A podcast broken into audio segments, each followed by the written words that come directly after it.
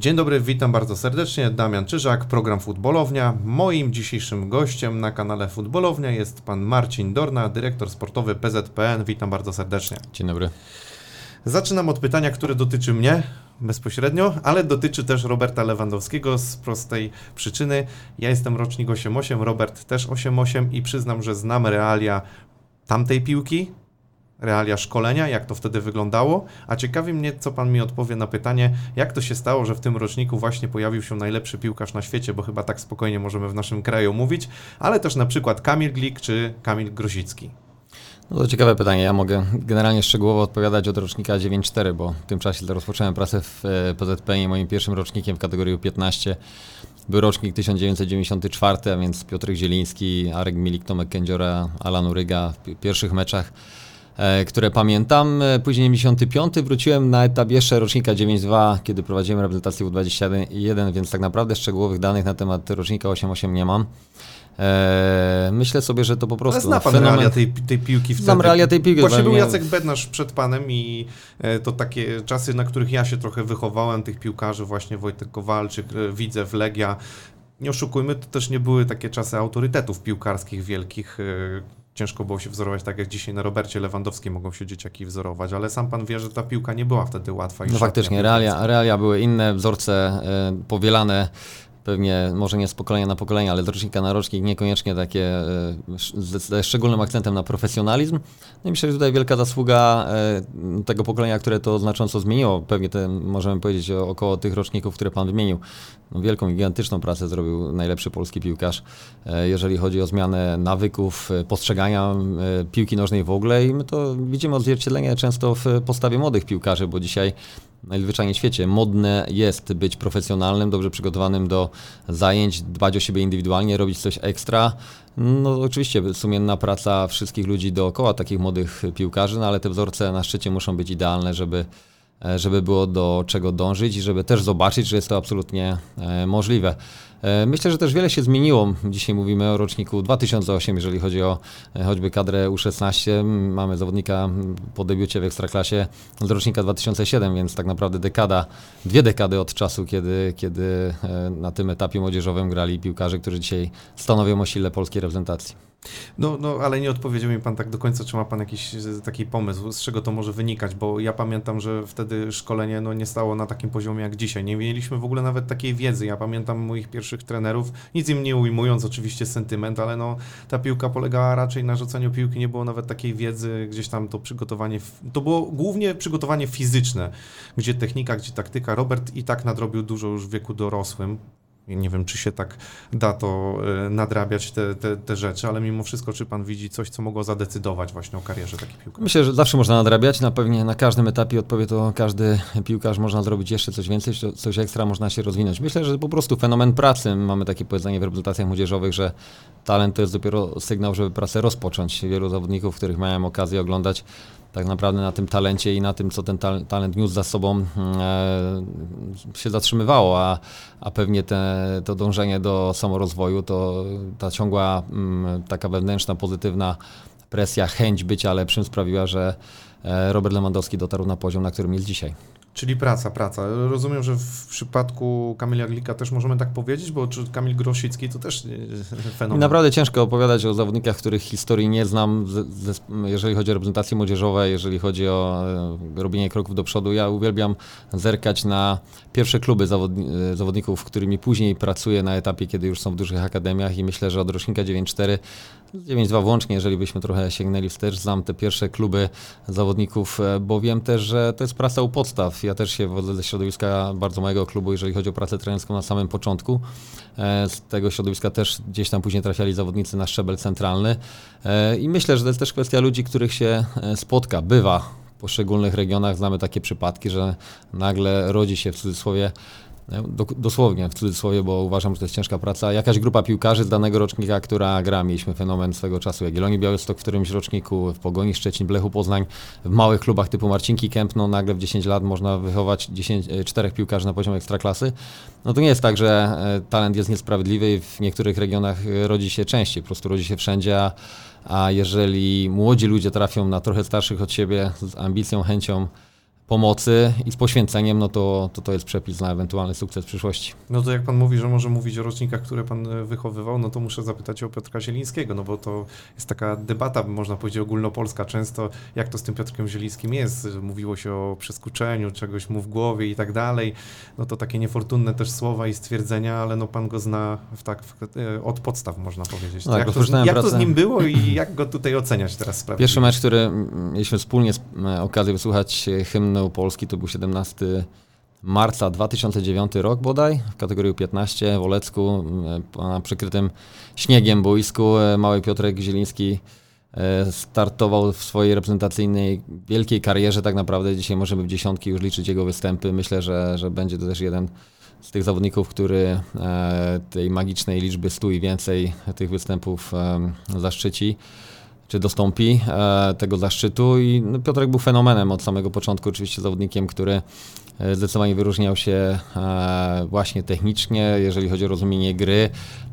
Na pewnym etapie ta, to współzawodnictwo z najlepszymi w Europie, a wcześniej rozwiniętymi zawodnikami było bardzo trudno. Ja pamiętam takie spotkanie w kategorii U15, kiedy Piotr 1 do 1 zmierzył się na boisku z Emre Canem i to nie była łatwa dla niego rywalizacja, bo Emre Can wyglądał już podobnie jak, jak wyglądał później.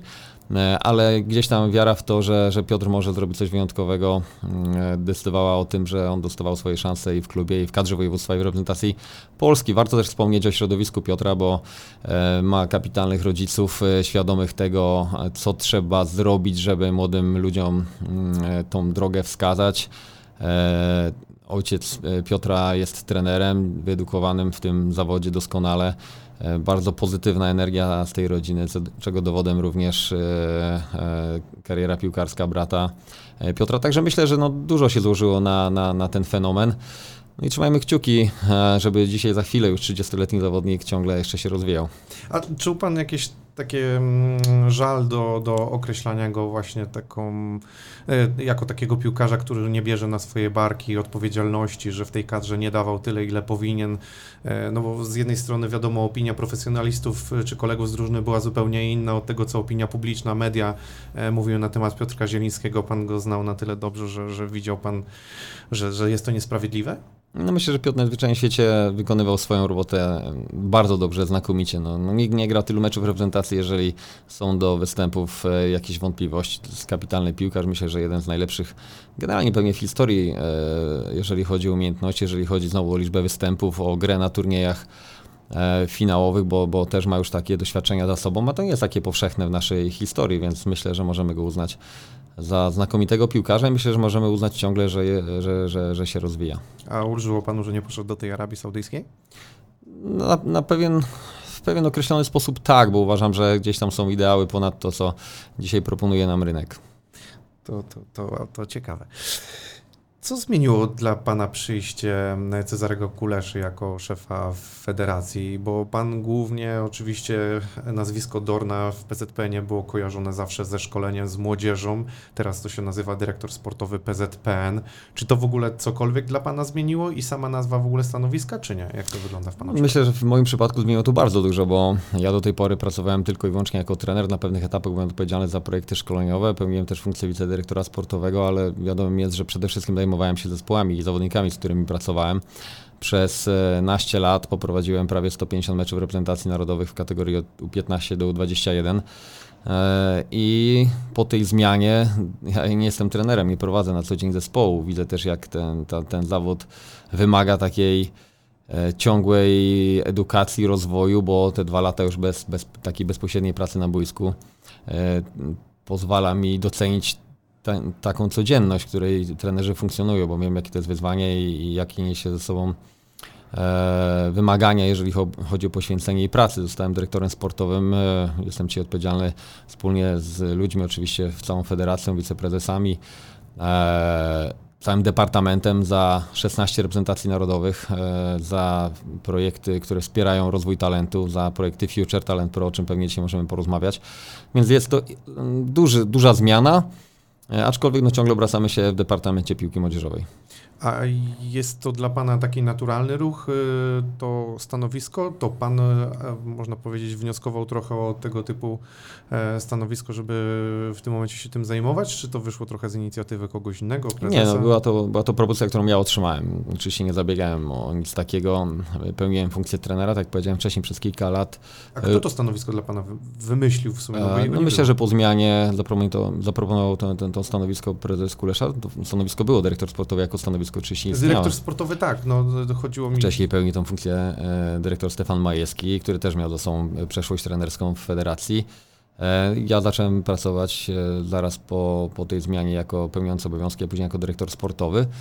Mm, Ale wcześniej jakieś tam skromne doświadczenie w obszarze wszystkich projektów szkoleniowych, choćby projektu Narodowy Model Gry, preselekcyjnych Akademii Młodych Orłów, czy wszelkich innych aktywności mieliśmy. Pojawiały się projekt Talent Pro i inne. Dzisiaj oczywiście część kontynuujemy po zmianach, część rozwijamy, część wprowadziliśmy zupełnie nowych, także e, jest to swego rodzaju wybranych obszarach kontynuacja, gdzieś tam jakieś modyfikacje i, i na niektóre sprawy e, nowe światło. Ale to jest trochę więcej pracy, rozumiem, za biurkiem dzisiaj.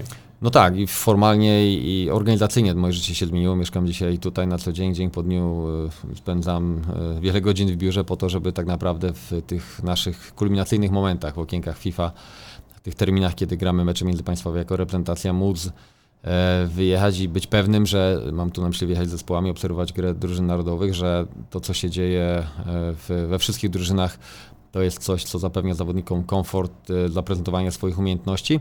No i oczywiście w tych mm, przerwach pomiędzy, które są skądinąd bardzo długie, zajmujemy się wdrażaniem e, szeroko rozumianych nowych projektów szkoleniowych. Mam tu na myśli w ostatnim czasie choćby zmiany bonifikacji, grupa robocza, praca nad programem szkolenia, nowe kursy e, trenerskie, bo w naszym departamencie również jest e, szkoła trenerów pod, pod dowództwem e, Pawła Grycmana. Wiele rzeczy, które, e, które, które się dzieją tak naprawdę dzień po dniu.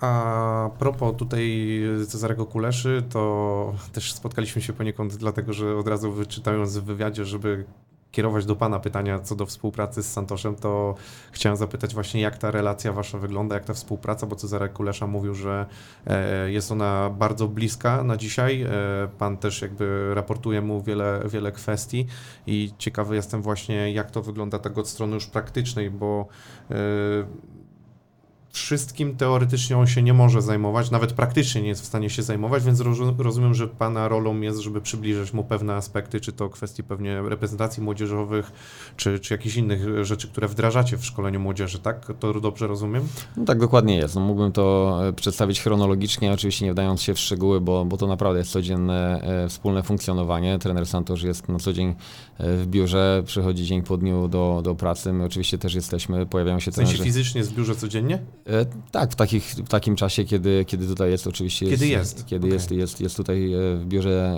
każdego dnia i każdego dnia gdzieś tam mamy okazję do wymiany choćby kilku zdań, natomiast bywa oczywiście, że spotykamy się na dłużej, gdzieś analizujemy to, co się dzieje w reprezentacjach młodzieżowych. A przepraszam, za- za- zanim Pan dokończy, jak go nie ma, to, to jak często ten kontakt jest? No oczywiście e, jest Bo te w- przerwy są długie, tak jak wspomniał Pan, no to jak to wygląda, bo...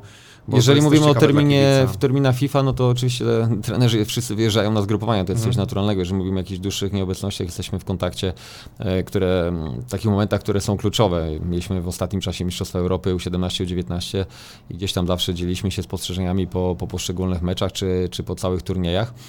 E, ale tak naprawdę ta współpraca rozpoczęła się bardzo szybko po przyjściu trenera e, Santosza, bo mieliśmy takie duże spotkanie ze wszystkimi selekcjonerami reprezentacji e, młodzieżowych.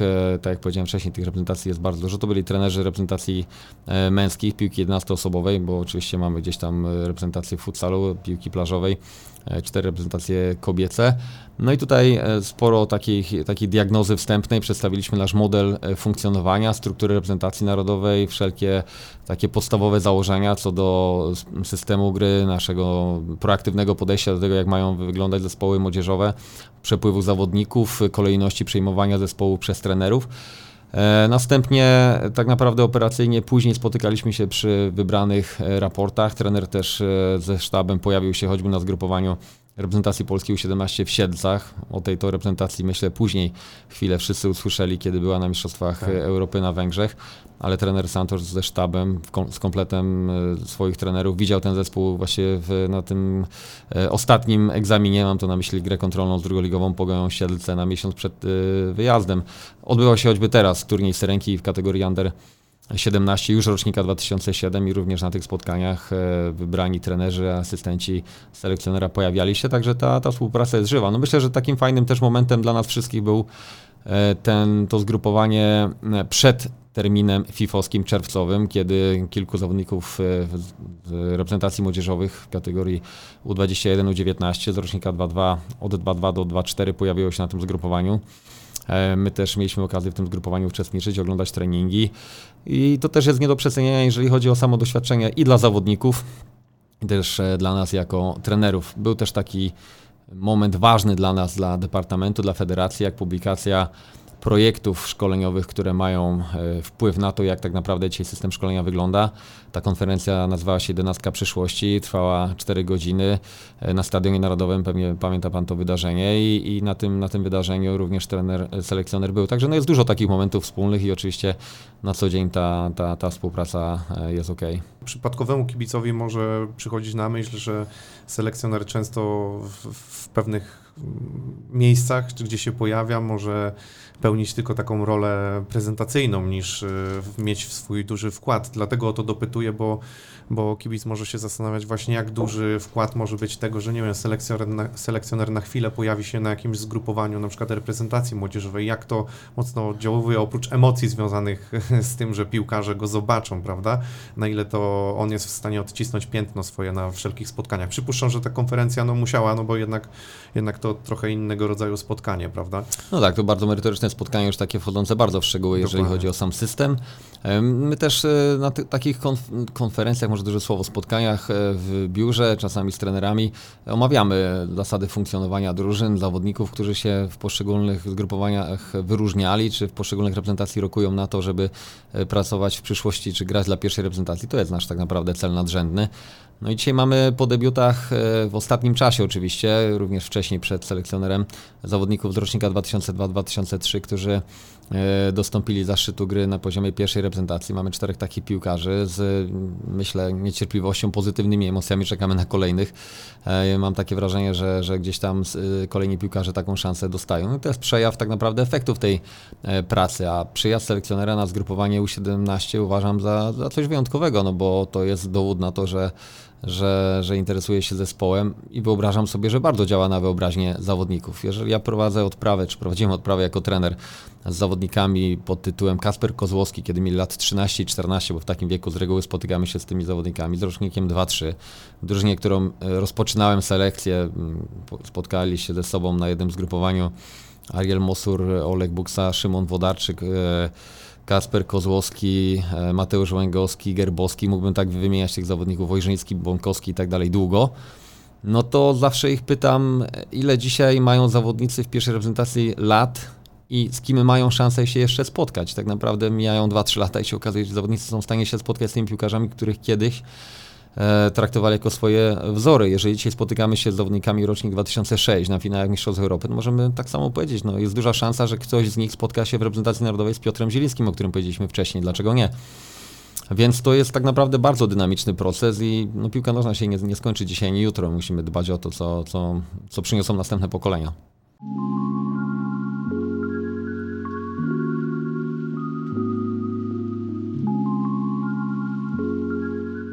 Mam wrażenie, że często kibice się już trochę w tym gubią, oni nie znają szczegółów. To, są, to jest to, to, o czym wy często opowiadacie w, w między mm, dziennikarzami, trenerami, to są często rzeczy interesujące dla innych trenerów, ale tak e, opinia publiczna, czy czy zwykły kibic może się w tym pogubić. Jeden projekt, drugi projekt, czemu one mają służyć i tak dalej. Ale do tego jeszcze może... Znaczy, jeżeli ja mogę powiedzieć No. odnośnie te, takiego spotkania, uważam, że jest bardzo potrzebne, bo my też wiemy, że no, no, jakby dużo większą e, dużo większym zainteresowaniem cieszą się wiadomości, które są krótkie, krzykliwe. Nasza praca to jest naprawdę dzień po dniu, po kilka, kilkanaście godzin.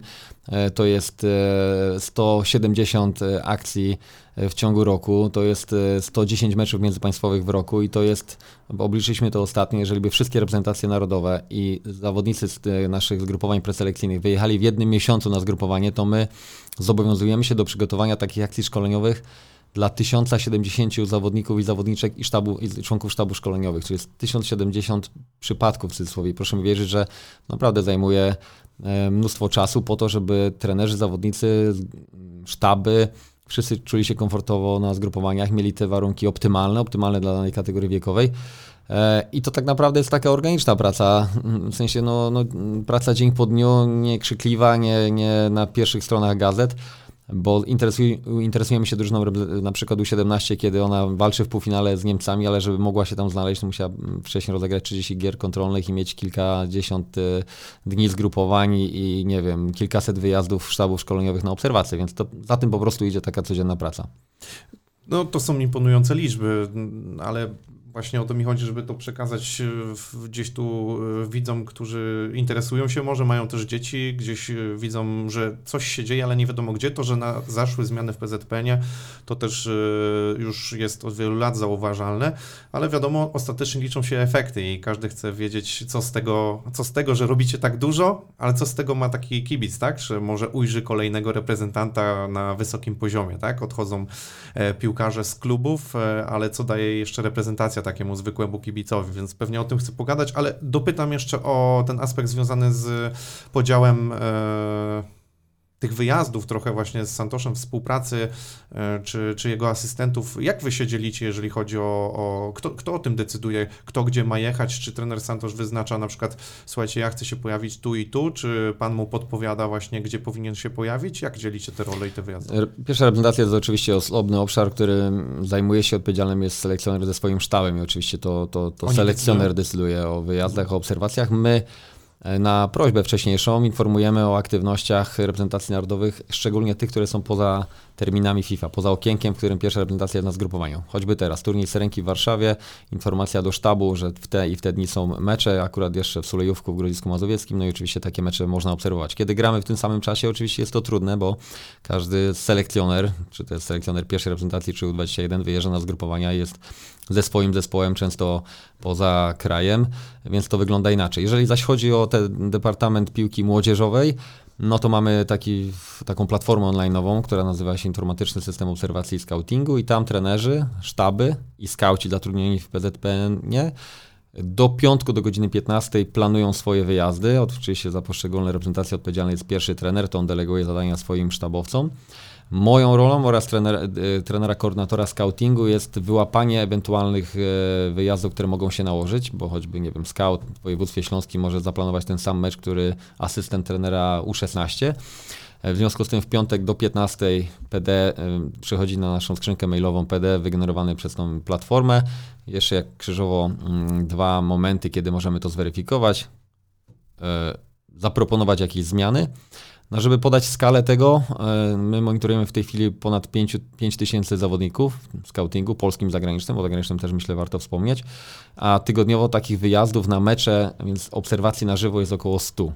E, Więc to jest naprawdę duża liczba i, i gdzieś tam e, raporty, które spływają, a które omawiam zawsze w poniedziałek przed południem z trenerami na online'owych spotkaniach, no to jest spora lektura, z którą każdy musi się zapoznać w obszarach, które go interesuje. No ja uwielbiam czytać te raporty, bo też wiem, co się dzieje w piłce młodzieżowej, natomiast no, wyobrażam sobie, że trener U21 analizuje przede wszystkim to, co się dzieje w reprezentacji U21, U20, może U19, pewnie nie musi znać wszystkich piłkarzy, którzy grali ostatnio z Irlandią Północną U15. Moją rolą jest znać już ich jak najwięcej.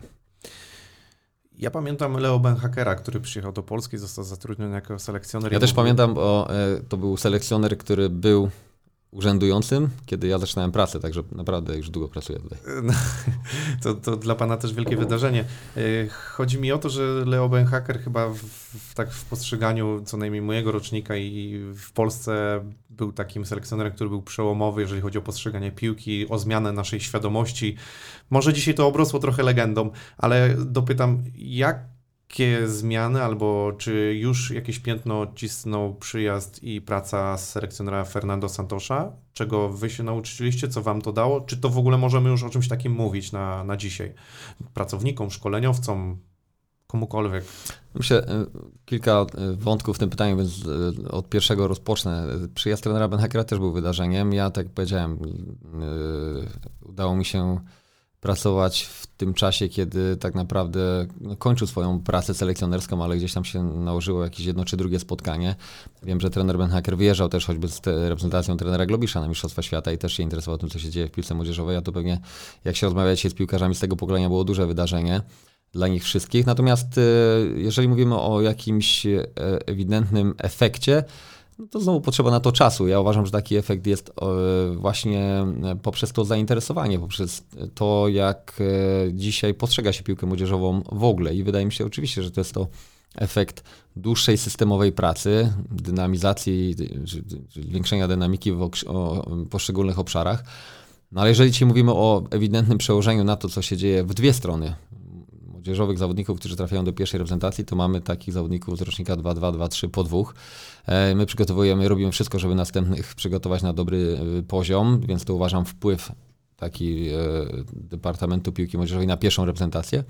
Natomiast w drugą stronę selekcjoner interesuje się tym, co się dzieje w, w, w zespołach młodzieżowych, no ale najważniejszą drużyną, którą się zajmuje jest oczywiście pierwsza reprezentacja, więc ten, ten, ten wpływ pewnie co do oceny możemy poznać po jakimś czasie, no a każdy następny zawodnik to jest gigantyczna e, inwestycja, bo jeżeli teraz powiemy o zawodniku, zagłuszmy, z rocznika 2-5, jeżeli on trafi do pierwszej reprezentacji narodowej, a my w ostatnim czasie zakwalifikowaliśmy się na turnieje finałowe w dużych liczbach, mam tu na myśli U17, e, w zeszłym roku, w tym roku kalendarzowym e, awansowaliśmy na Mistrzostwa Świata U17, U19, no to w cudzysłowie dostarczymy na poziom piłki seniorskiej zawodnika z dużym handicapem już świadomości i wiedzy, jak wygląda piłka i konfrontacja międzynarodowa, choćby w finałach Mistrzostw Europy. E, ja miałem też przyjemność przez lata współpracować z selekcjonerami reprezentacji narodowej w obszarze obserwacji, analizy przeciwnika, współpracy przy dużych imprezach. E, I byłem na Mistrzostwach Świata w Rosji, na Mistrzostwach e, Europy we Francji, na tych Mistrzostwach Europy, które były rozsiane po całej Europie. Robiłem analizę przeciwnika trenerowi Michniewiczowi, też na Mistrzostwach Świata w Katarze, byłem też na Mistrzostwach tam. No i to zawsze była taka tak naprawdę wymiana e, informacji w każdą stronę. Ale pamiętam taki moment, w którym robiąc analizę reprezentacji Niemiec, czy przyglądając się reprezentacji Niemiec, tą drużynę, która grała na Stadionie Narodowym, ten pamiętny mecz 2-0, to gdzieś tam pojawiali się zawodnicy, którzy y, mogli zagrać w tej reprezentacji, a był to dla nich debiut. Mam tu na myśli młodych zawodników reprezentacji Niemiec. I to dla nas było bardzo imponujące, że tacy zawodnicy mieli za sobą na przykład cztery finały Mistrzostw Europy, albo dwa razy byli na Mistrzostwach Świata, albo byli mistrzami Europy w którejś kategorii wiekowej i wicemistrzami w drugiej. E, I w tym roku też, będąc na kursie dyrektorów sportowych, Dan Ashworth z Newcastle, pracujący wcześniej w Federacji Angielskiej, mówił o tym, że to jest kompletnie zmiana optyki, jeżeli chodzi o młodego piłkarza, kiedy on ma za sobą taki background e, występów na turniejach finałowych, niż e, w porównaniu do takich, którzy tego nie mają. Ale mówimy nawet o samym wyjeździe, czy o awansie? O, o, o, o awansie na Mistrzostwa Europy. No, my awansowaliśmy na Mistrzostwa Europy w tym roku trzech kategoriach wiekowych z czterech możliwych. W trzech kategoriach wiekowych mam tu na myśli piłkę nożną e, dziewcząt i chłopców. Awansowaliśmy na Mistrzostwa Europy U17 kobiet i mężczyzn i U19 mężczyzn. Nie awansowaliśmy na Mistrzostwa Europy U19 kobiet. Komplet zespołów na finały wprowadziła tylko Federacja Hiszpanii, jako jedyna federacja w Europie. Trzy zespoły do finałów e, Federacja Niemiec, Francji i Polski, więc uważam, że to grono jest zacne, I wcześnie i wąskie. Oczywiście my nie, też nie mamy patentu, nie, nie, nie znaleźliśmy świętego grala y, i odtąd będziemy awansować zawsze czterema, trzema, dwoma zespołami. Ale jest to jakiś efekt widać, który... Ewidentnie. Rok temu awansowaliśmy po raz pierwszy na, na finał Mistrzostw Europy U17 od 10 lat, od, od turnieju, który ja też wspominam sentymentem w 2012 roku na, na Słowenii. W tym roku zdobyliśmy medal Mistrzostw Europy po raz pierwszy od tegoż wspomnianego turnieju. Awansowaliśmy po raz pierwszy w XXI wieku na finały Mistrzostw Świata U17. Po raz pierwszy na Mistrzostwa Europy U19 po 17 latach. W 2006 roku był taki turniej w Wielkopolsce, którego byliśmy gospodarzem. To była przyczyna, dla której graliśmy.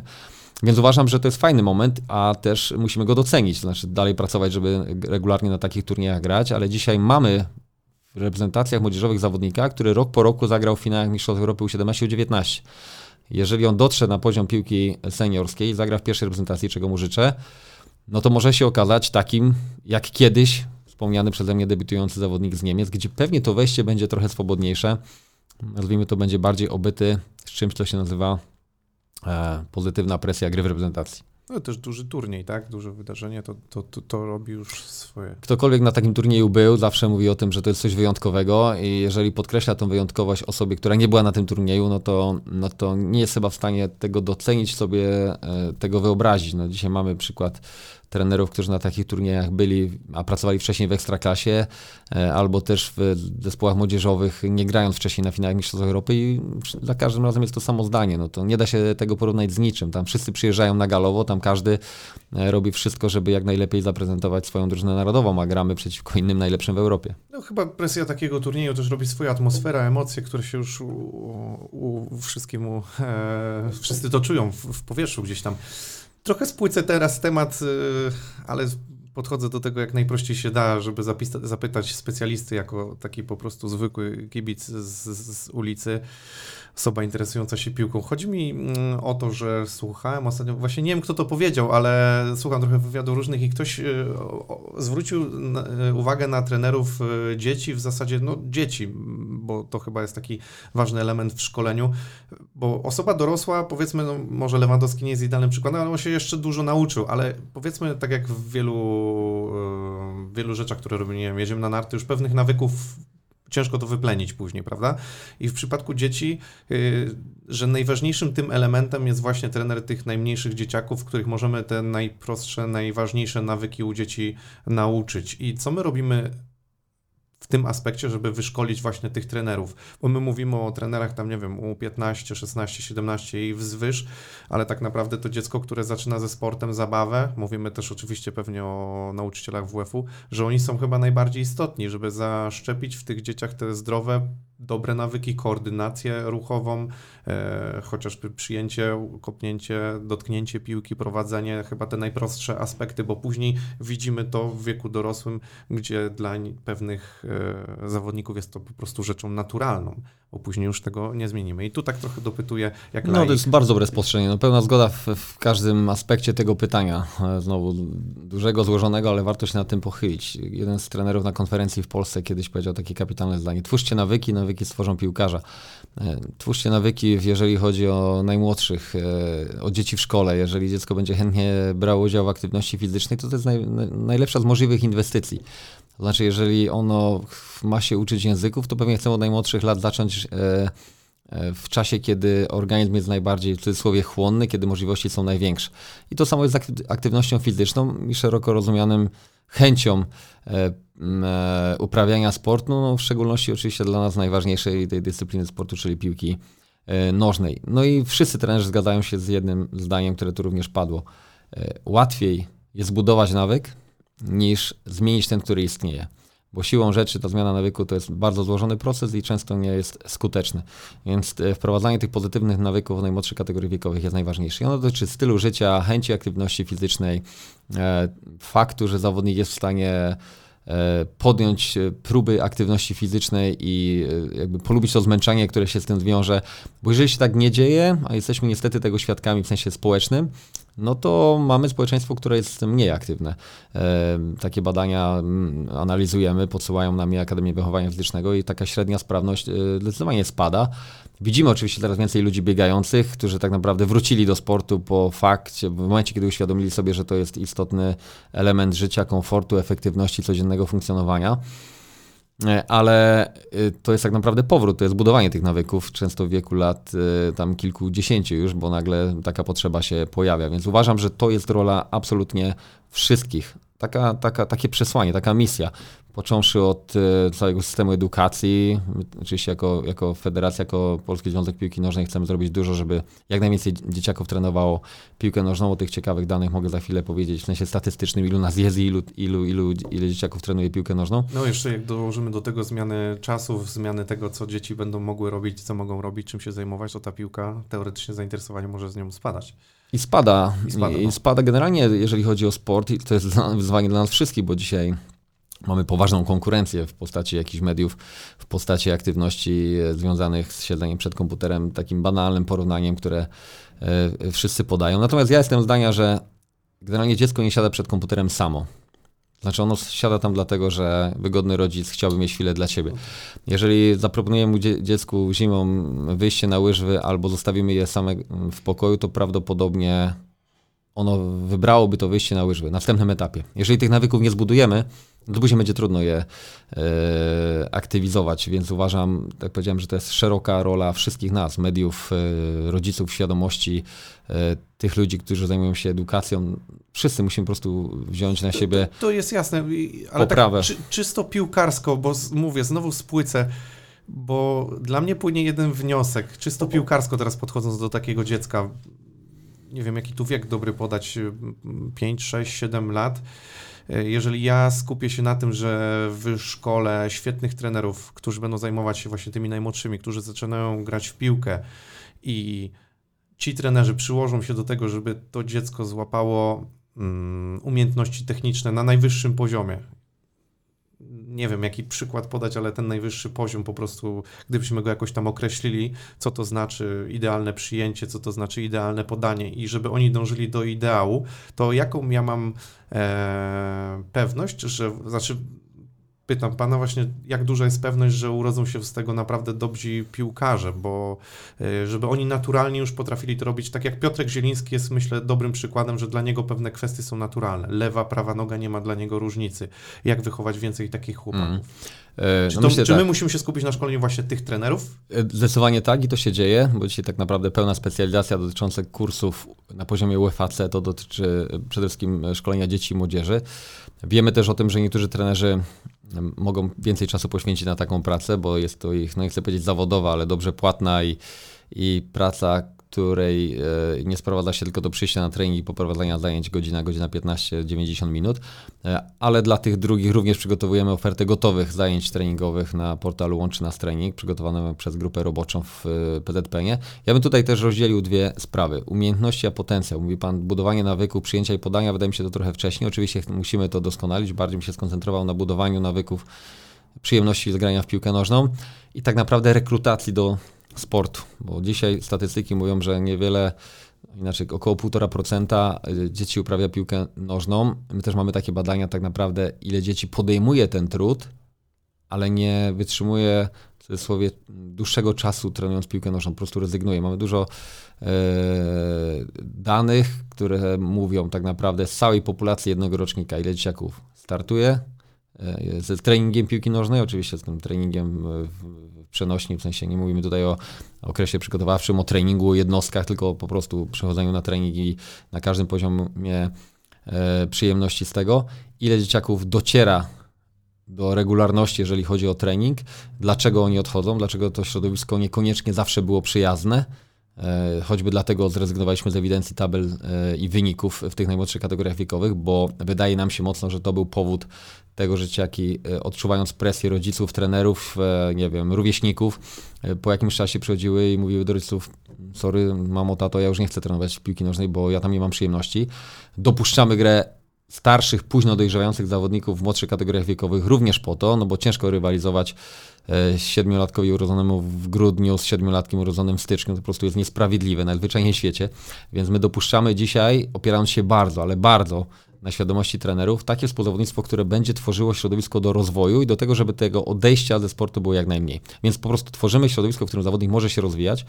E, Jeden z trenerów kiedyś powiedział, że on tak naprawdę nie naucza swoich zawodników. On tworzy środowisko, żeby oni uczyli się sami. Jeżeli my stworzymy środowisko przyjazne, e, oczywiście profesjonalne, tworzone, przez e, dobrze przygotowanych trenerów na tych etapie, to dzieci będą się rozwijać same. E, trener musi być dobrze przygotowany. Ja nie lubię tego, tego, tego sformułowania, ale ktoś kiedyś powiedział, że naprawdę trener, który da dzieciom grać w piłkę i będzie to robił świadomie, to jest jeden z najlepszych e, trenerów i on niekoniecznie musi budować e, złożone środki treningowe, w którym ma być tysiąc powtórzeń przyjęcia i podania, bo to jest znowu taka diagnoza umiejętności a potencjału. Ja często lubię to porównać, ponieważ okazuje się, że zawodnik może trafić na poziom treningu takiego regularnego w wieku lat 10 i to ciągle jest ok.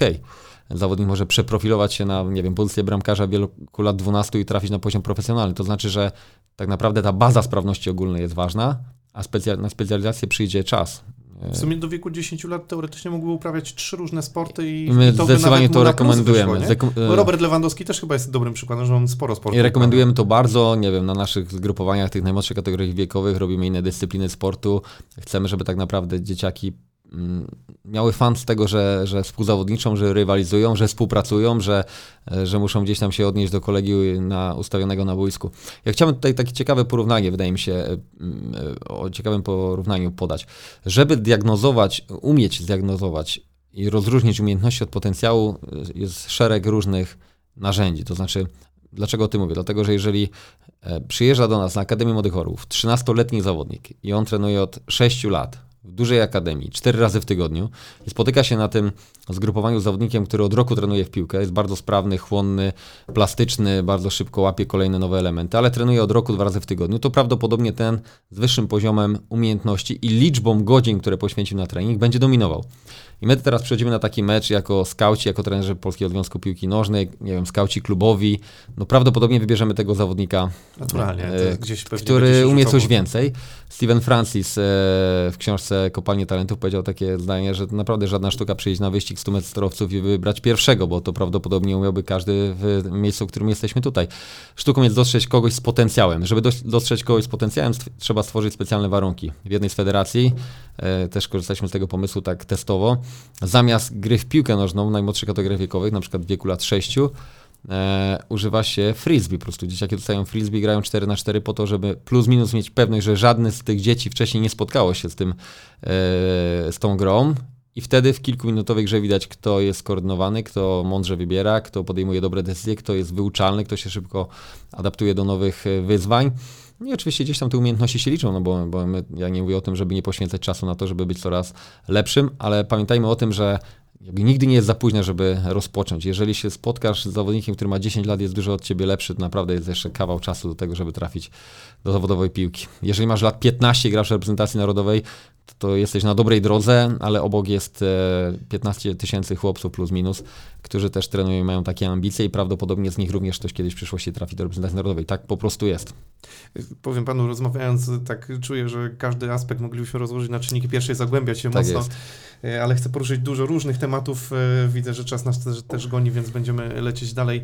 E, Ja ostatnio rozmawiałem z Piotrem Mateckim, pewnie pan kojarzy, a zapytam tak w drugą stronę, bo wy staracie się dać coś piłkarstwu polskiemu, a w drugą stronę, gdy oni próbują wam coś dać, czy wy też słuchacie właśnie dużych akademii, e, na przykład no oni są też dobrym takim poligonem doświadczalnym, wiele rzeczy sprawdzili i też gdzieś pamiętam Piotr Madecki wspominał, że e, pewne rzeczy zostały później wdrożone, które oni już wprowadzili na początku, chyba mniejsze bramki, mniejsze boiska, gdzieś tam ta, No, ta nie wiem, kwestia... ja nie licytował się, kto ma jakie pomysły, bo. nie, nie, to nie chodzi o licytowanie, kolejność, tylko nie? czy pytam bardzo ogólnie, podałem jako przykład, żeby, żeby zobrazować. Szanujemy, naprawdę szanujemy Czy wy słuchacie po prostu Każde, też? Każdą zmianę, którą wprowadzamy, wcześniej konsultujemy. No, po- podam teraz dwa przykłady na poziomie piłki profesjonalnej i, e, i tej trochę młodszej w cudzysłowie. Zmieniliśmy ostatnio unifikację. Unifikacja szkolenia, czyli model współzawodnictwa, unifikacja współzawodnictwa, czyli model e, e, tej rywalizacji ustalonej przepisami. Czy gramy po 11, po 9, po 7, po 5, po 4, po 3. Różne. Zrobiliśmy diagnozę najpierw Federacji Europejskich, wszystkich najlepszych federacji europejskich, ze szczególną atencją na te, które mają podobną szerokość geograficzną, podobne możliwości, żeby też wybrać oczywiście coś, co może być bardziej naturalne dla nas. Ale też wysłaliśmy zapytania do klubów, do akademii, e, do ludzi, którzy się tym szkoleniem na takim etapie zajmują i wybraliśmy optymalne naszym zdaniem rozwiązania. Us- Usłyszeliśmy głos środowiska, że gra 7 na 7 na boisku typu Orlik to jest za duża liczba zawodników na tej przestrzeni, więc dopuszczamy jakąś tam opcję inną. Ale to naprawdę wyszło ze środowiska, że tej wielkości bramka to jest ryzyko, ponieważ ona znajduje się, nie wiem, na e, poprzeczka na wysokości głowy zawodnika w tym wieku, więc może coś zmieńmy. I dużo takich informacji zbieramy. W zeszłym roku doszło do reformy celiotki. Ona rok już po tej reformie funkcjonuje. Uważam, jeżeli pan popyta w środowisku, że to był bardzo dobry ruch. Wszyscy są z tego ruchu e, zadowoleni z dwóch przyczyn. Po pierwsze, przesunęliśmy kategorię U18 na U19 po to, żeby skorelować etap edukacji z etapem szkolenia.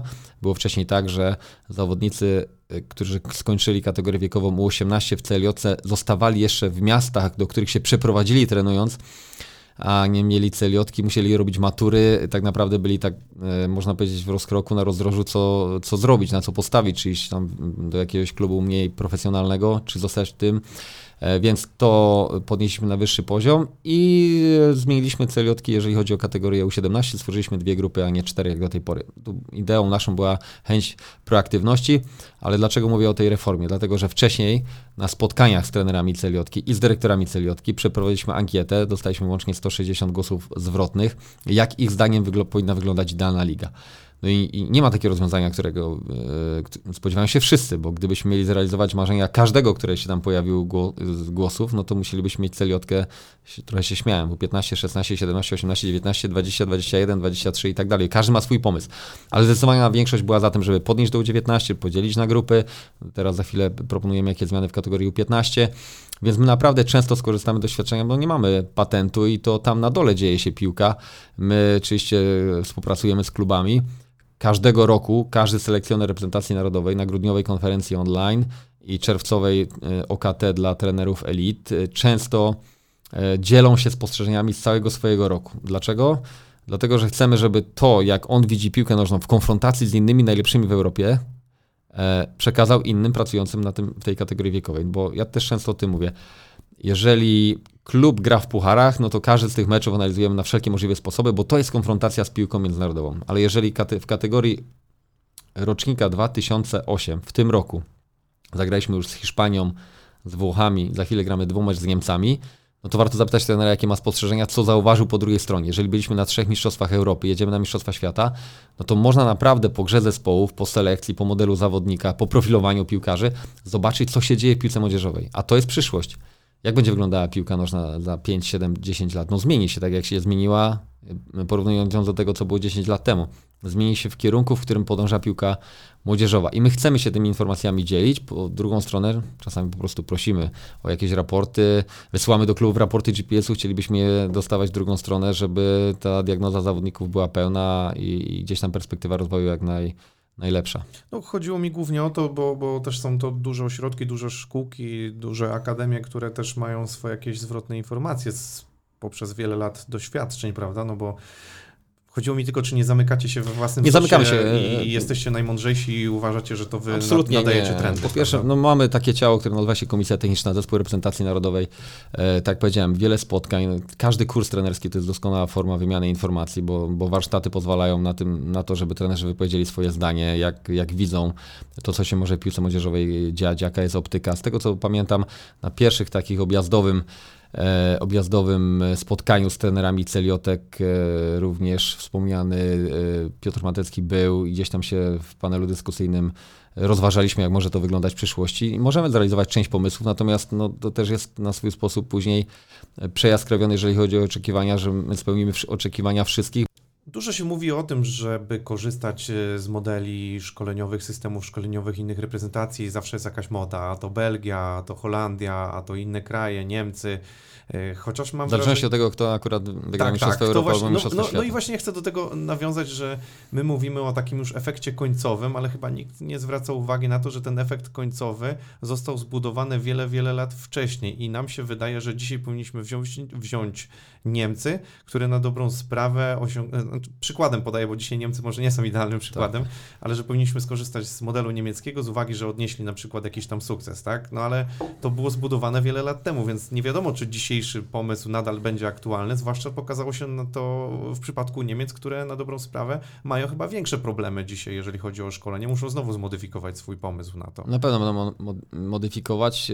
We wrześniu zaproszono wsz- wszystkie federa, albo inaczej wybrane fe- przedstawicieli wybranych federacji do na, taką, na kongres e, DFB, gdzie będzie dyskusja na temat, w którą stronę piłka nożna powinna iść i to jest moim zdaniem również jeden z dowodów na to, że Federacja Niemiecka myśli o jakichś zmianach, ale Jedziecie? byłbym, je, jedziemy i co też jest uważam ciekawym dowodem e, uznania naszych ostatnich Właśnie to jest na aktywności. zaproszenie ich, czy wy... Na, na ich zaproszenie wybrane federacje. Jedziemy po prostu i dyskutujemy. Mocno wyobrażam sobie, że nie zawsze byśmy takie zaproszenie dostali, ale chyba też e, na zewnątrz po prostu docenia się to, co dzieje się tutaj, no bo udział w Mistrzostwach Europy, zawodnicy, którzy się pojawiają młodzi w Europie, są tego dowodem.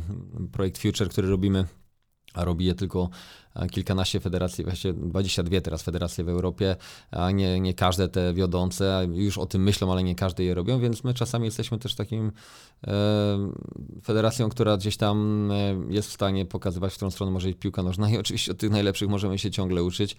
E, co zmieniliśmy w ostatnim czasie? To po prostu chcemy się porównywać do tych e, absolutnie najlepszych. Organizujemy możliwie najlepsze gry kontrolne, jeździmy na mm, konferencje, na wymianę informacji z tymi, którzy są wiodący.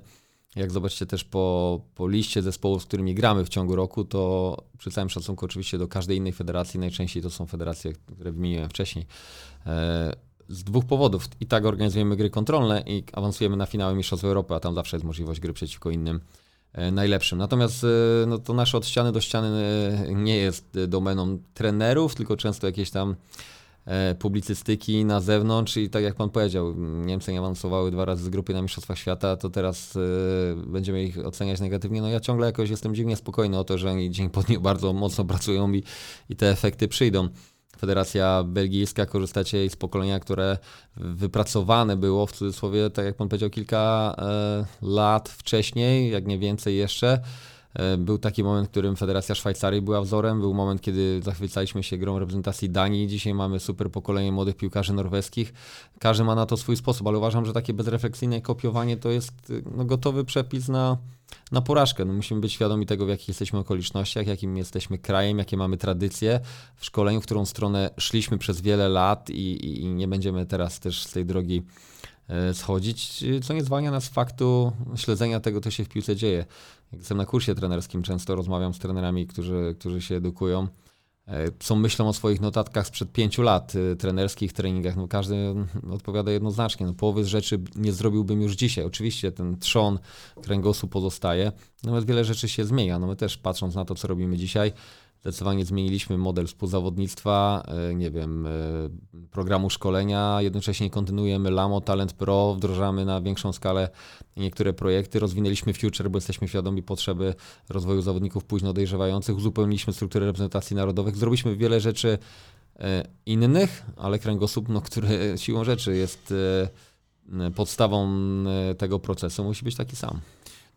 To zapytam od razu o pana, bo tak na, na zdrowy rozum przyszło mi od razu do głowy, żeby e, pomyślałem sobie, że to pan jest takim kontynuatorem tej myśli szkoleniowej, tego rozwoju PZPN-u, bo w końcu pan jest w tych strukturach bardzo długo i, i to pana się utożsamia z młodzieżą w Polsce, jeżeli chodzi o reprezentację i szkolenie, gdzieś ten zamysł i tak się zastanawiam. Oczywiście może spłuciłem, bo jest jeszcze wiele osób, ale... No nie ale... uzurpowałem sobie prawa do bycia twarzą nie, wszystkich oczywiście, no, ale narodowych. wie pan, każdy myśli Dorna, to, to, to każdy myśli młodzież, więc y, gdzieś tam teraz jednak pan, pan w tym PZPN-ie jest dosyć wiodącą postacią i, i zastanawiamy właśnie, czy to odbijanie się od tej ściany e, dzisiaj nie jest, już chyba nie jest nam potrzebne. My jakby nie szukamy, mamy już swój kierunek, prawda? Rozumiem, że te wszystkie działania, które podejmujecie, to jest kierunek już nas, w, nasz własny, wypracowany na, na bazie tego, co się dzieje w Europie. E, i też również na własnych doświadczeniach. Tak to rozumiem. No, no, dokładnie tak jest. I oczywiście, tak jak powiedziałem, pewne rzeczy, procesy udoskonalamy. E, jeżeli ja porównam proces selekcji sprzed 15 lat, kiedy rozpoczynałem pracę w PZP, a teraz to są dwa światy, ale nie dlatego, że wtedy było źle, a teraz jest dobrze, tylko dlatego, że były inne możliwości, inne, inna skala zatrudnienia, inne systemy scoutingowe, inna technologia, bo dzisiaj też o tym e, mówimy, więc to się po prostu zmienia. No my musimy nawiązywać do najlepszych w Europie i patrzeć, co oni robią. E, ale nie jesteśmy też w stanie wszystkiego powtórzyć, bo są federacje bogatsze, są federacje o dużo bardziej złożonej strukturze. Chodzi o współzawodnictwa o dużo większej liczbie trenujących, jak kilka federacji w Europie. E, więc my patrzymy, co robią najlepsi, chcemy się od nich uczyć, ale ciągle pozostajemy wierni naszej idei. Chcemy grać bardzo proaktywnie, jak widzimy te najlepsze federacje w Europie, na Mistrzostwach Europy U17, U19 tak grają więc od tego też odwrotu nie będzie. Nasze reprezentacje narodowe zdobywają bardzo dużo bramek. Ja bym może, ja wiem, że trudno przez studium przypadku analizować globalnie wszystko, co się dzieje, ale dobrym przykładem jest reprezentacja Under 17. W... Właśnie miałem do niej zapytać, czy to jest y, taki kierunek, w którym my zmierzamy? To jest kierunek, który zmierzamy, jeżeli chodzi o model gry, model selekcji pod ten sposób gry. Jakby słowem kluczem powtarzamy je na, na wszystkie możliwe sposoby i odmieniamy przez każde przypadki. To jest proaktywność i inicjatywa.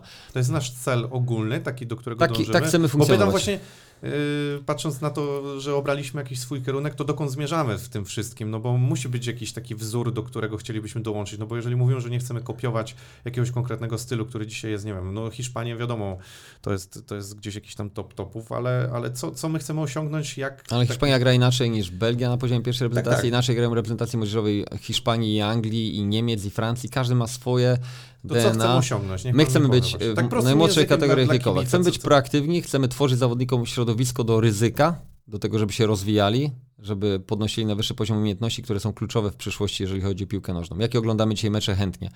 No mecze oglądamy chętnie, które się skończą 6-5, 3-2, 4-3. No mecz Legii w pucharach No, dla potrzebujemy- pewnie był, był tak samo, bo, bo stracił ale, sporo bramek, ale, był, sam był, był interesujący. No i w którą stronę pójdzie piłka nożna? Jeżeli my chcemy tą dyscypliną sportu zainteresować y, duże gremium, to musimy po prostu dać produkt, który będzie jakościowy, który będzie ofensywny, który będzie intensywny, no to musimy przygotować zawodników w najmłodszych kategoriach wiekowych, żeby tak potrafili grać za kilka lat. Jak to zrobić? Chcemy być proaktywni, zawsze gramy w obronie wysokiej, zawsze chcemy otwierać nisko, jeżeli to tylko możliwe oczywiście, pod presją przeciwnika e, budować. Zachęcamy zawodników do ryzyka, ewentualne straty z tego ryzyka bierzemy na siebie. Reprezentacja trenera Marcina Wodarskiego zdobyła na Mistrzostwach Europy 16 bramek.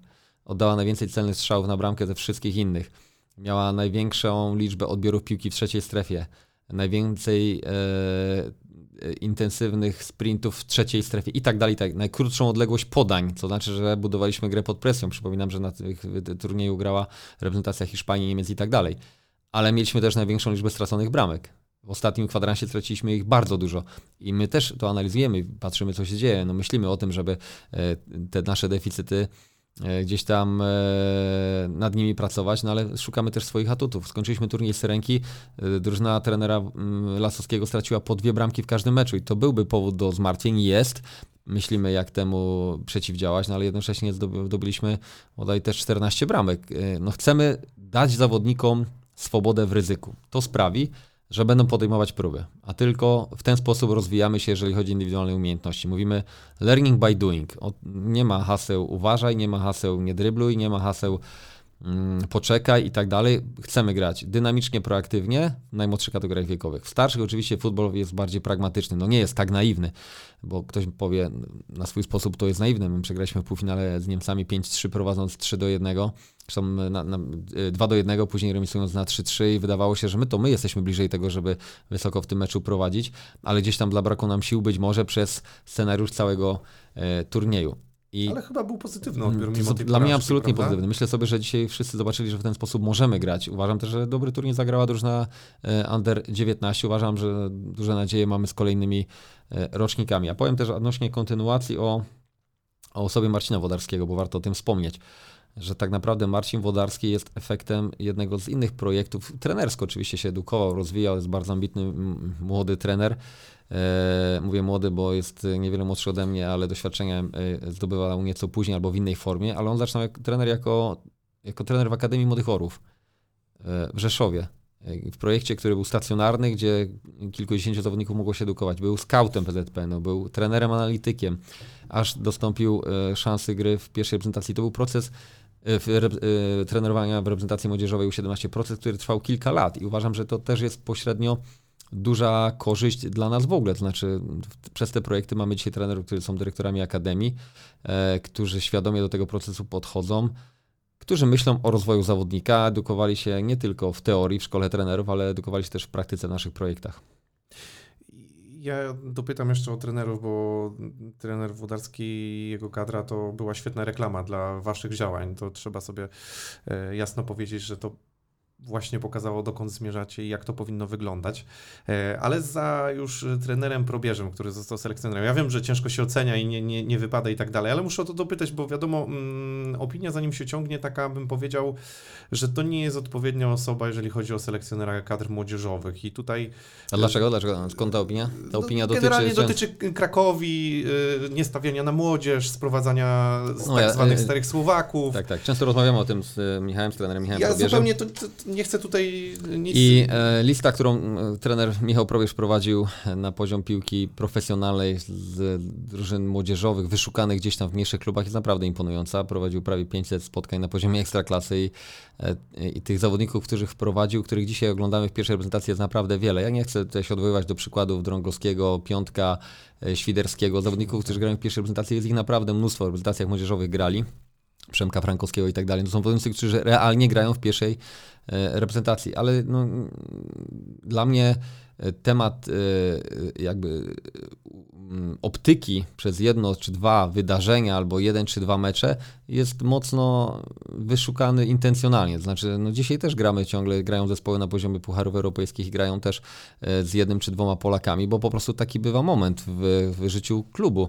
E, trener Michał Probierz prowadził bardzo wielu zawodników, ma bardzo fajny zespół e, rocznika 2002-2003. Uważam, że kolejni zawodnicy będą się rozwijać tak, że z reprezentacji młodzieżowej trafią do reprezentacji pierwszej. Uważam, że to jest nadrzędny cel, a doświadczenie, e, jeżeli chodzi o piłkę seniorską na poziomie tej reprezentacji jest bardzo ważne. Mam tu na myśli sztab, sztab trenerski, bo też pozwoli tak naprawdę obrać kierunek dla wielu tych młodych piłkarzy. My rozmawiamy o takich nazwach Lamo, Amo, Future. Super. Trenerzy, którzy się tym interesują, pewnie wiedzą, wiedzą co o co chodzi, oni są zaangażowani i tak dalej, ale weźmy pod uwagę takiego przeciętnego kibica. To nie jest oczywiście może skierowane do niego, ale no, dzieci, na przykład rodzice mają swoje dzieci pewnie gdzieś mogą się o to obijać i co oni w ogóle w zasadzie ci kibice na tym zyskują?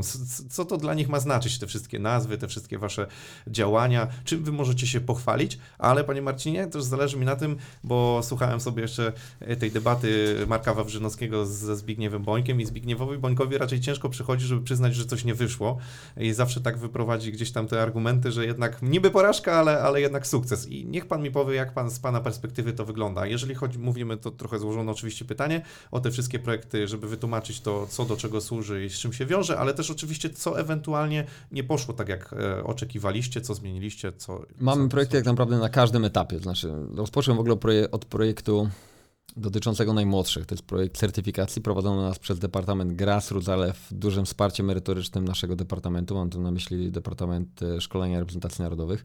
Objęty dzisiaj tak naprawdę dużo szerszym e, spektrum klubów. Wcześniej to było ledwie kilka procent, dzisiaj prawie jedna czwarta zespołów jest w procesie certyfikacji, co daje nam e, gwarancję co do jakości szkolenia, liczby trenerów na zawodników, organizowania tego procesu, planowania, jakości szkolenia i tak dalej, i tak dalej.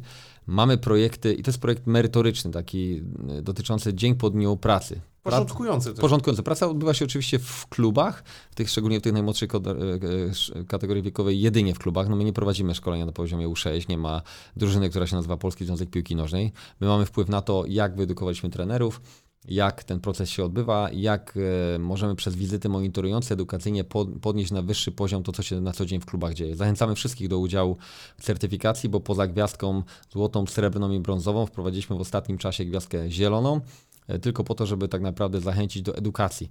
E, FIFA, UEFA rekomenduje. do, do po prostu do tego projektu. projektu. FIFA, UEFA rekomenduje w przypadku trenerów, to jest w ogóle coś naturalnego, edukację w, tak naprawdę realnym środowisku, w warunkach, które na co dzień funkcjonują w klubach. I my dzisiaj, jeżeli mamy trenerów na kursach, organizujemy e, jakieś warsztaty, zapraszając dzieci z tej kategorii wiekowej i tak dalej. Tu tak naprawdę wyszliśmy w kierunku edukacji trenerów ich absolutnie naturalnym środowisku, czyli w klubie. Jedzie trener monitorujący, podpowiada, w którą stronę e, idzie, jeżeli chodzi o rozwój drużyny, zespołu, zawodników, jeżeli chodzi o taki indywidualny trening, o wszystkie te elementy, które się tam pojawiają.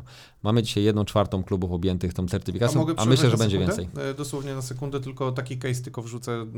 Nie rozprawiajmy się nad tym bardzo głęboko, bo szkoda czasu, żebyśmy przeszli przez wszystkie te mhm. rzeczy, które, które robicie, ale chodzi mi taki case, pamiętam, e, zwracano mi uwagę, że właśnie, nie wiem, certyfikacja i gdzieś tam przyznanie tej gwiazdki obejmuje kwestie związane, ile tam zawodników uczestniczy w zajęciach, prawda? I to często było dosyć płynne w niektórych... Ale, ale nie ukrywam, że tutaj, jeżeli możemy mówić o, o rzeczach, które na pewno zmodyfikowaliśmy, bo jak tam sam pan powiedział, potrzeba jest wylistowania e, ewentualnych, no nie chcę powiedzieć niepowodzeń, ale rzeczy do korekty, tak? do poprawy, no to na pewno ta e, ta w cudzysłowie papierologia, te sprawy formalne były na początku na zbyt wygórowanym poziomie w relacji do takiej codziennej pracy. Ale to się zmieniło w ostatnich mhm. latach okay. i dzisiaj tak naprawdę my jesteśmy bardziej liberalni, jeżeli chodzi o dokumentację w pewnych rzeczach jesteśmy zero-jedynkowi, bo to jest też normalne, No, a w innych sprawach jesteśmy bardziej e, przyjaźni, jeżeli chodzi o tą codzienną pracę. No nie możemy być, e, nie możemy nie być zero-jedynkowi w tematach KRK, wszelkich zaświadczeń trenera, edukacji trenera.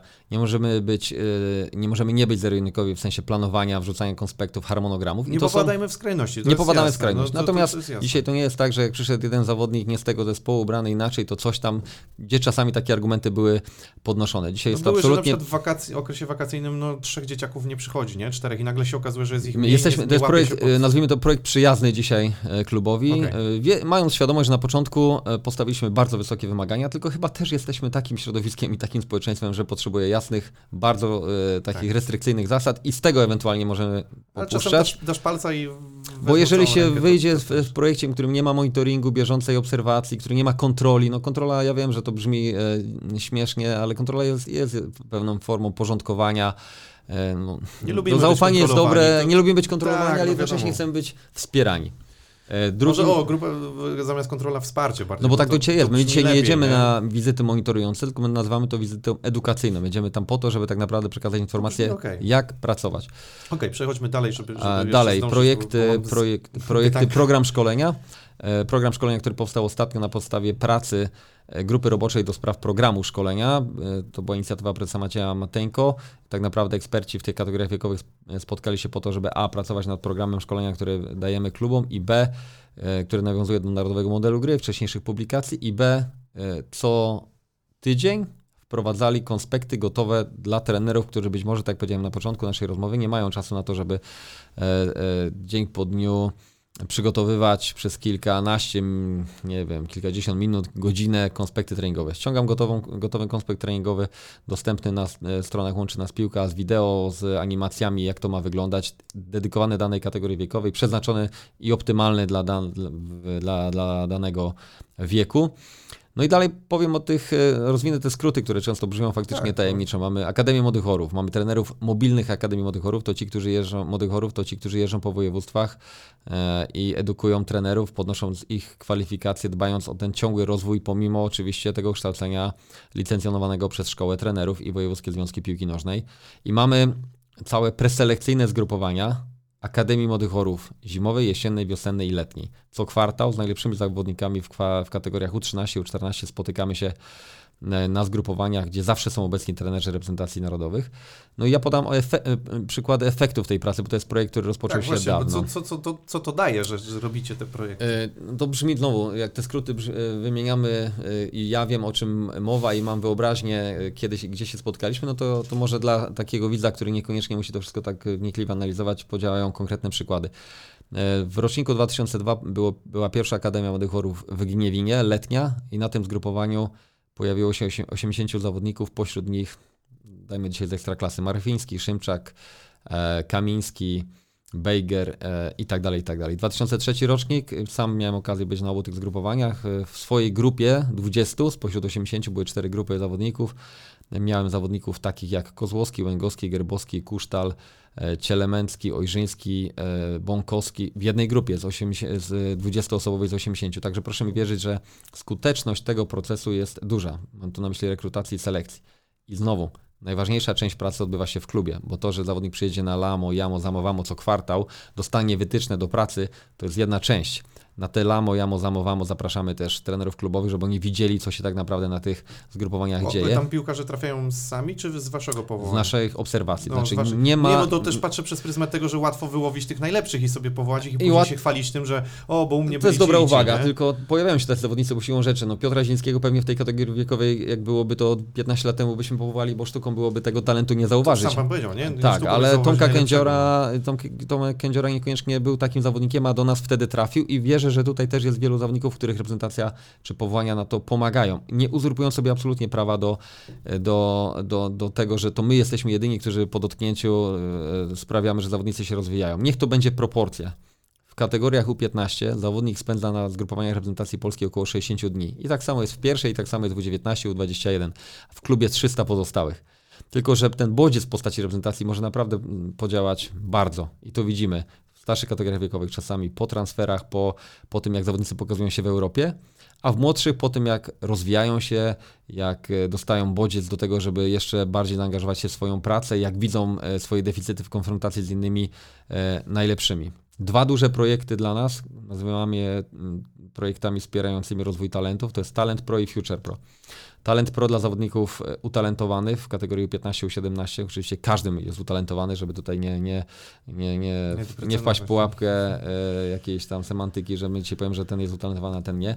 Ale dla takiej wybranej grupy zawodników w kategorii 15-17 E, Organizujemy dwa spotkania rocznie, e, z, często z obecnością selekcjonera reprezentacji narodowej, z obecnością se, e, trenerów reprezentacji młodzieżowych e, i tak naprawdę pracujemy pozycyjnie, formacyjnie po to, żeby wyłapać jeszcze takie drobne deficyty, które się pojawiają, dać wytyczne do indywidualnej pracy i znowu pojechać do klubu i podyskutować na ten temat. Mamy projekt Future e, w kategoriach U15 i U16. Stworzyliśmy w ostatnich dwóch latach reprezentację poza reprezentacjami standardowymi, reprezentacje future'owe. E, Future to zawodnik, który dla nas e, jest utalentowany, prezentuje potencjał na, grze, na grę w pierwszej reprezentacji, ale w swoim wieku rówieśniczym nie jest w stanie rywalizować jak równy z równym z najlepszymi, rozwiniętymi fizycznie zawodnikami. Tymi urodzonymi w pierwszym kwartale, szczególnie, albo tymi, którzy dojrzewają wcześniej, akcelerantami. A dzisiaj to nie jest domena polskiej piłki, tylko europejskiej, światowej. E, Na Mistrzostwa Europy U17, U19 zabiera się, za- U19 mniej, ale U17, czy do współzawodnictwa na poziomie U15-16 w Europie zabiera się zawodników, którzy są urodzeni w pierwszym kwartale, często rozwinięci ponad swój rozwój. E, Wiek biologiczny jest przed e, wiekiem kalendarzowym, bo to jest bardziej skuteczne. I wiedzą o tym wszyscy w Europie, ale też nie powołujemy patrząc w kalendarz, nie mówimy, bierzemy wszystkich ze stycznia, tylko po prostu powołujemy najlepszych, się okazuje, że to są zawodnicy urodzeni wcześniej. Dlatego my dzisiaj zrobiliśmy reprezentację U15 U16 w kategorii Future. I poza standardową reprezentacją, która gra swoje gry, jeździ jeszcze na mecze międzypaństwowe. Mamy 22 federacje, które robią to w Europie już, a wydaje mi się za chwilę, że będą robić to wszyscy. Tych zawodników, którzy urodzili się pod koniec roku i późno dojrzewają. Czyli są mniejsi, skromniejsi fizycznie, mają mniejsze e, zdolności motoryczne, e, w konfrontacji z dużym nie mają szans e, współzawodniczyć. Jakbym się odniósł do mm, tego pierwszego przykładu Piotrka i Emre Cana, to taka, taka relacja. Piotr po prostu w tym meczu nie był w stanie być skuteczny. Nie był w stanie być skuteczny, bo gdzieś tam nad nim było 20 kg i 25 cm innego zawodnika. I to naprawdę nie jest łatwe. Ale widzieliśmy coś ekstra w tym zawodniku i dlatego dzisiaj dajemy im ekstra szansę. W roczniku 2.8 drużynie Marcina Wodarskiego odniosę się, bo to znowu podziała na wyobraźnię co do konkretnego przykładu. Trzech zawodników, Kądziołka, Cholewiński i powinienem był pamiętać i Kurowski, e, to są zawodnicy, którzy po raz pierwszy na zgrupowanie przyjechali na projekt Future, a zagrali na Mistrzostwach Europy. I to w dwa lata. Jest efekt trzech zawodników na finałach Mistrzostw Europy. Sześciu kolejnych zagrało mecz międzypaństwowy reprezentacji standard, tak im przesunęliśmy, bo te reprezentacje prowadzi ten sam trener, ten sam sztab, koordynuje to wszystko Bartek Zaleski, E, ale my robimy to po to, żeby też no, tak naprawdę dostarczać zawodników do reprezentacji e, standard. E, Nie byłoby pewnie wszystkich tych zawodników, czy wszystkich, ale nie, mieliby mniejsze szanse na to, żeby dotrzeć na poziom reprezentacji narodowej standardowej U17, a w perspektywie kolejnej, gdyby nie te e, projekty. Ale te projekty ja to trochę rozumiem, no bo ostatecznie i tak to decy- klub musi zadbać o kolejne dwa lata jego szkolenia i to, To on, prawda. wy jakby trochę robicie taką selekcję, zwracacie uwagę na pewnych Że jest taki zawodnik. że jest taki Ale zawodnik. powiem więcej. Na takie zgrupowanie Śledzicie Future go po prostu dużo też musi lepiej. zawodnik przyjechać z badaniami e, PHV, z badaniami rozwoju biologicznego, z e, potwierdzeniem tego, że on jest późno dojrzewający, bo my nie możemy zagrać z reprezentacją ostatnią w Danii, Szwecji, Danii e, i Belgii, mówiąc, ten zawodnik jest późno dojrzewający, wierzcie nam, tylko my musimy przeprowadzić cykl badań, które przeprowadza się w klubie. My oczywiście inspirujemy, mówimy jak, prosimy o wykonanie konkretnych badań, dzięki temu e, to tak naprawdę kaskadowo przechodzi na klub. W klubie też wiedzą, że mają zawodnika późno dojrzewającego i on dzisiaj może nie jest w stanie rywalizować na poziomie U17 z najlepszymi w, w Polsce innymi, ale będzie w stanie za rok czy za dwa. Więc uważam, że ten projekt ma jeszcze poza takim wymiarem e, na, na, na szczycie tej piramidy meczu międzypaństwowego wymiar edukacyjny. Wiemy o tym, że coś takiego istnieje. No proszę mi wierzyć, że dzisiaj, albo inaczej, proszę sobie wyobrazić za swoich czasów, tych, o których wspomnieliśmy na początku, że pan jako zawodnik rocznika 8-8, późno dojrzewający albo urodzony w drugiej połowie roku, dostaje zgodę na to, żeby w kategorii U11 na przykład zagrać z młodszymi od siebie. To było niemożliwe. No nie. To była abstrakcja. Nie no, ja to- grałem z dwa lata starszymi. no wszystko, no wiadomo, że przesuwamy No. zawsze do góry tych, którzy się rozwijają, ale miał pewnie pan w zespole znajomych y, chłopców, zawodników, którzy byli późno dojrzewający, im trudno przychodziła rywalizacja z rówieśnikami. My cię stawiamy na świadomość trenerów. Mówimy, zbadaj go, Jest taki kalkulator na stronie PZPN-u, gdzie każdy rodzic, potwierdzony później e, podpisem rodzica i opiekuna zawodnika, ewentualnie lekarza, stwierdza, jest późno dojrzewający, może grać z młodszymi. Nie gramy tam na wynik, oczywiście rywalizujemy, chcemy wygrywać, chcemy współzawodniczyć, ale nie ewidencjonujemy, nie pokazujemy, że wygraliśmy 3-1, 5-0, 10-0. Mówimy, to jest środowisko do rozwoju zawodników. On nie może grać ze swoimi rówieśnikami, bo to jest dla niego za trudne.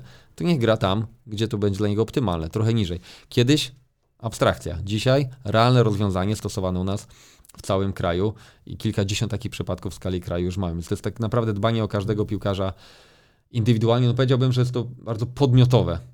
To, to współzawodnictwo, w ogóle proces szkolenia, mimo zespołowej gry sportowej, mimo dyscypliny, w którą gra się po 11, to jest dbałość o jednostki i to współzawodnictwo jest tego dowodem.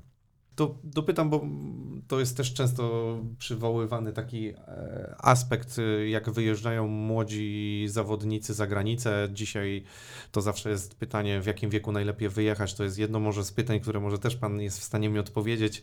W XXI, E, w XXI wieku. w XXI wieku. Ale chodzi mi bardziej o tą intensywność, bo mm, mówi się i nadal zwraca się uwagę, że chłop- chłopaki mówią, wyjeżdżają za granicę, niby nie ma różnicy, ale jednak jest tej intensywności. I z czego to wynika? Jest, jest. I e, też e, nad tym zawsze bolejemy albo analizujemy to, jak, jak stworzyć środowisko do pracy intensywnej tutaj. Powiem za chwilę o tym przykładzie. Jeżeli chodzi o wyjazd zawodników, to powiedziałem to ostatnio na konferencji OKT trenerów UEFA Pro, że jako federacja w ogóle stoimy na stanowisku, że dobrym środowiskiem do rozwoju tutaj, na stanowisku, że dobrym środowiskiem do rozwoju w, w, dla zawodnika jest najwyższa polska liga, pierwsza, druga, w zależności, ekstraklasa, w zależności od tego, gdzie zawodnik jest. Zebranie doświadczenia na poziomie piłki seniorskiej tutaj i wyjazd później. I mamy na to setki dowodów. Mamy też wiele dowodów na to, że bardzo wczesny wyjazd niekoniecznie kończy się powodzeniem, ale nie mamy stuprocentowej pewności nigdy, dlatego każdy przypadek jest indywidualny. Wyobrażam sobie, że łatwo mi mówić o 80 zawodnikach, których analizujemy w skali roku, jeżeli chodzi o transfery, o ruchy i, i efekt przyszłości, jeżeli chodzi o ich grę na poziomie profesjonalnym w klubie, do którego poszli, a inaczej mówi się, kiedy jest się rodzicem, sam rodzicem jestem, wiem, wiem o czym mówię, kiedy mówimy o tym jednym, jedynym przypadku i tej jednej, jedynej szansie, kiedy zgłosi się jakiś wielki klub i, i co wobec takiego e, zapytania zrobić. Tym niemniej statystyka jest e, tutaj wymiernym e, efekt, wymierną informacją, Oceną tego? oceną. Warto zostać dłużej. Wszystkie te kariery rehabilitacyjne, poza kilkoma przy, przykładami, e, to są zawodnicy, którzy wyjeżdżali już po zdobytych laurach, po tytułach królów strzelców, po kilkunastu, dziesięciu meczach w polskiej ekstraklasie e, za granicę. Kiedy wjeżdżają młodzi zawodnicy, często e, wracają do polskiej ekstraklasy, trochę droga naokoło, trochę droga, która trwa dłużej i tak naprawdę sprawia, że są w miejscu, w którym ich koledzy młodsi którzy zostali tutaj. Tylko to nie jest przepis stuprocentowy, nie ma przepisów stuprocentowych. Kiedy rozmawiamy z przedstawicieli innych federacji, czasami na spotkaniu dyrektorów, no to każdy chciałby, żeby zawodnicy grali u niego w kraju, może poza tymi federacjami, które te ligi mają naprawdę na przeciętnym poziomie. A myślę, że wszyscy mamy takie wrażenie, że poziom naszych rozgrywek w konfrontacji, nawet co widać w konfrontacji e, pucharowej, idzie do góry i to jest dobre środowisko do rozwoju. Oczywiście trzeba zrobić następny krok. Nie wiem, popatrzmy na Kubę Kamińskiego, Skurasia, Linettego, Kędziorę, i wielu zawodników, miałem którzy przywołać, bo ja, ja patrząc, mieszkając w Poznaniu, widzę najczęściej, jak to w Lechu się odbywa i przyznam, że przeciągnięcie tego jednego sezonu dłużej chyba najwięcej dawało chłopakom z Lecha, czy, czy to Już Bednarek. wszyscy, wszyscy mieli presję, że Ten było to jeden- wcześniej. Je, tak, jeden sezon dłużej super daje, ten 20-21 lat, a propos 20 Co się, co się mierzy, to, ja ten kurczę, 21 naprawdę. wiek powiedziałem e, Udowodni jeszcze w lidze jeden sezon dłużej. Lech ma troszeczkę tą przewagę, że oni wiedzą, że jednak tam wrócą te kluby, zapytają, jak dzisiaj nie sprzedasz za milion czy dwa Okej, ale inne, euro, to inne za kluby, popatrzmy dzisiaj na, nie wiem, na Pogoń też, no- Szczecin, wyjechał Mateusz Łęgowski, to też musi być kilkadziesiąt meczów, 5, 7, 10 bramek, asyst, e, Tak, tak, tak. dzie- pięć żółtych, jedna to czerwona, doświadczenie. zmienia, Kasper zmienia, Kozłowski, zmienia, no. nie wiem, e, Benedyczak, popatrzmy Pogoń Szczecin, popatrzmy na powodzenie zawodników, którzy wyjechali e, z Legii Warszawa, z akademii, które są. Mówimy o Karbowniku, mówimy o kolejnych piłkarzach, o, o bramkarzach, no to wtedy, kiedy tych, tych, ty, tego zebranego doświadczenia jest trochę więcej niż e, dwa sezony w celi od CU19. A co z tą intensywnością, tą różnicą? Intensywność. Gdzie, gdzie My też na tą intensywność pracujemy. Co, co, co E, Uważam, że ta dysproporcja niestety Z jest. czego to wynika? Ta dysproporcja? E, My na I w jakim przykład, aspekcie ta, ta różnica jest zauważona jak pytamy zawodników, najczęściej to wygląda to po pierwsze na, na jakość piłkarzy, co ma wpływ na intensywność, no bo siłą rzeczy to się dzieje szybciej, a po drugie e, to jest coś, co jest budowane latami. No i my dlaczego dzisiaj mówimy o proaktywności? Dlaczego mówimy o tym w reprezentacjach młodzieżowych i dlaczego zachęcamy wszystkich zawodników w CLJC, żeby grać proaktywnie? No po to, żeby zwiększyć też intensywność. Dla mnie idealny świat współzawodnictwa młodzieżowego.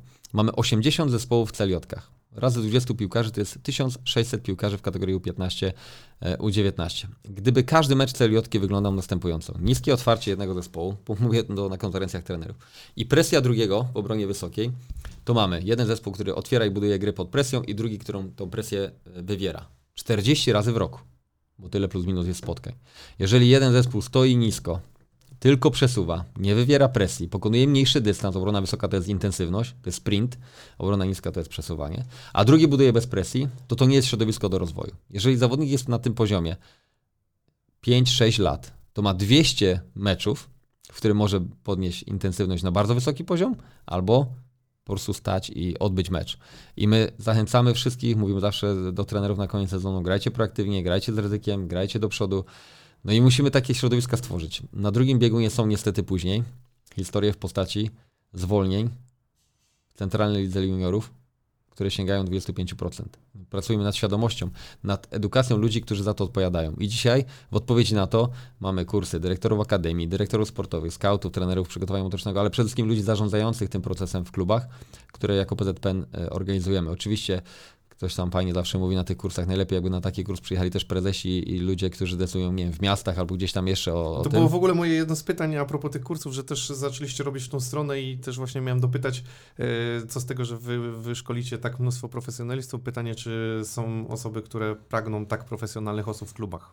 Myślę, że tak, no bo tak naprawdę to, są, się to. to się bardzo zmienia. Mamy dzisiaj na stanowiskach, na tym pierwszym kursie, na którym mam też przyjemność uczestniczyć jako, jako uczestnik kursu, e, mamy dyrektorów, tych, których znamy z klubów, które rywalizują No tak, w no pucharach. pierwsza była dla nich przeznaczona, tak? Tak edycja? naprawdę y, dla za- ten trenerów ekstraklasy, chociaż ta gru, druga grupa, która my teraz mamy na początku września egzaminy końcowe, tam ta grupa rozpoczyna, też ma w swoich szeregach wielu zawodników, którzy są dyrektorami w klubach ekstraklasy pierwszej ligi albo mają przeszłość piłkarską fajną i uważam, że ich edukacja też będzie kluczowa.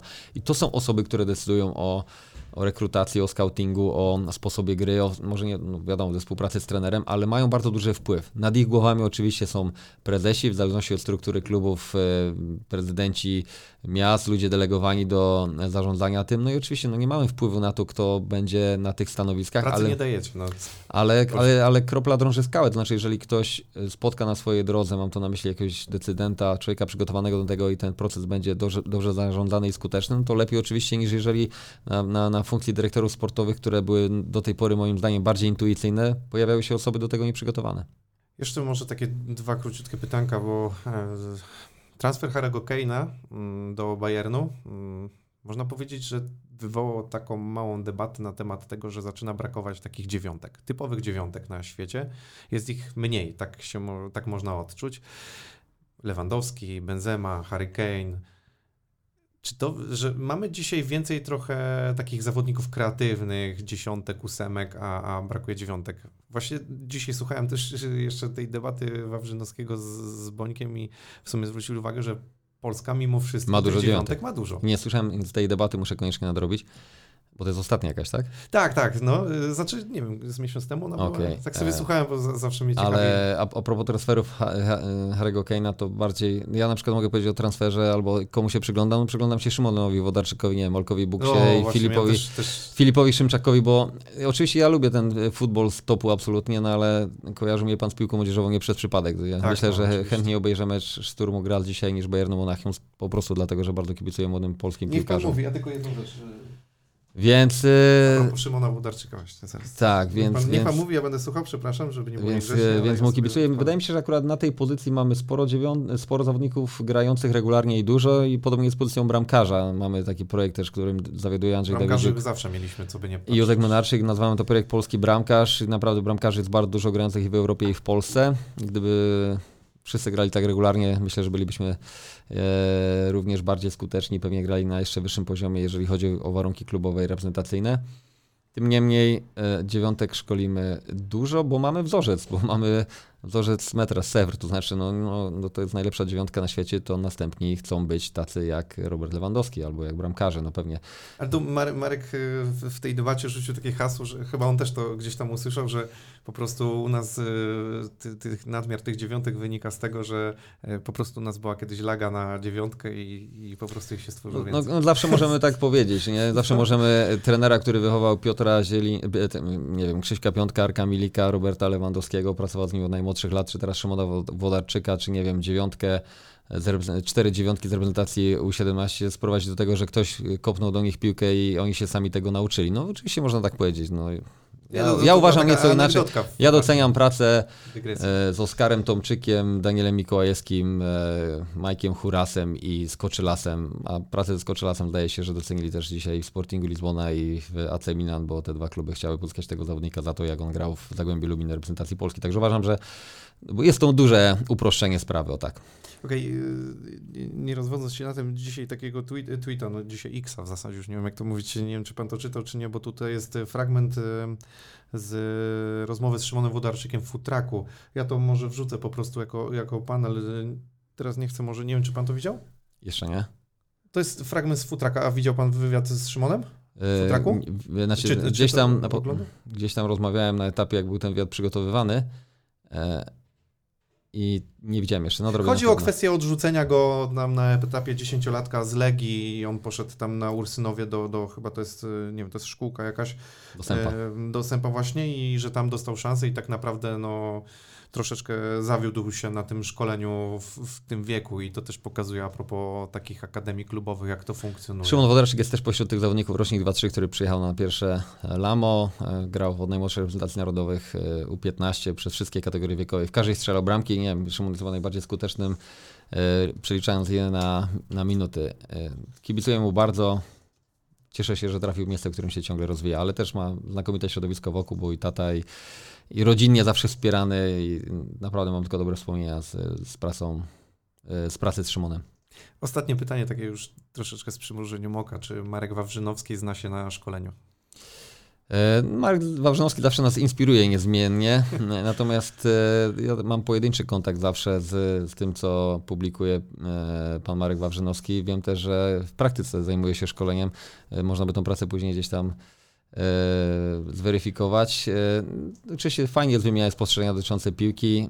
Ja nie ukrywam, że mało angażuję się e, w świat mediów, a wiem, że tamten temat e, żyje najwięcej, jeżeli chodzi o taką konfrontację opinii.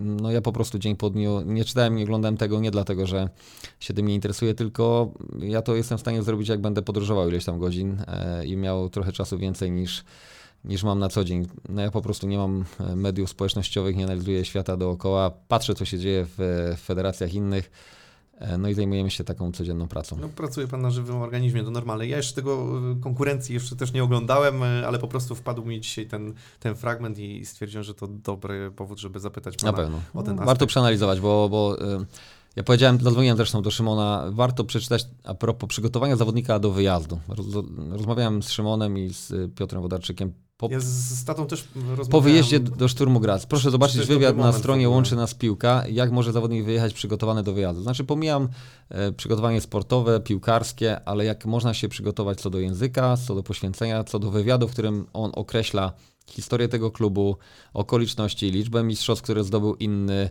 e, e, klub, e, statystyki. To jest po prostu świadomie, w pełni kompetentnie wybrany klub. Kiedyś wracałem chyba z Macedonii Północnej z Szymonem w samolocie obok siebie i jego wiedza na temat y, piłki nożnej jest, jest gigantyczna. W sensie świadomości, statystyk, profilu ligi, zawodników, którzy grają, w którym mamy rywalizować, więc uważam, że ten wybór jest doskonały, ale to nie jest przypadkowy wybór, a ten wywiad, który był po, idealnie potwierdza tą moją tezę, że, że, że nie można po prostu wybrać losowo na mapie miejsca i powiedzieć tam jadę, bo tam jest okazja, tylko to jest świadomie wybrany klub i okej, uważam, że dobrze prowadzona kariera. No też agent czy, czy, czy menadżer też, też mm, swoje zrobi w takim wypadku i no, zresztą tata, Na pewno, ja chociaż e, tatą, tu też mam e, taki przywilej, że nie pracując w klubie, m, nie zawsze wiem, kto jest agentem, bo wiem, że tam są też różno, różnorakie opinie na, ty, na, na, na temat pracy.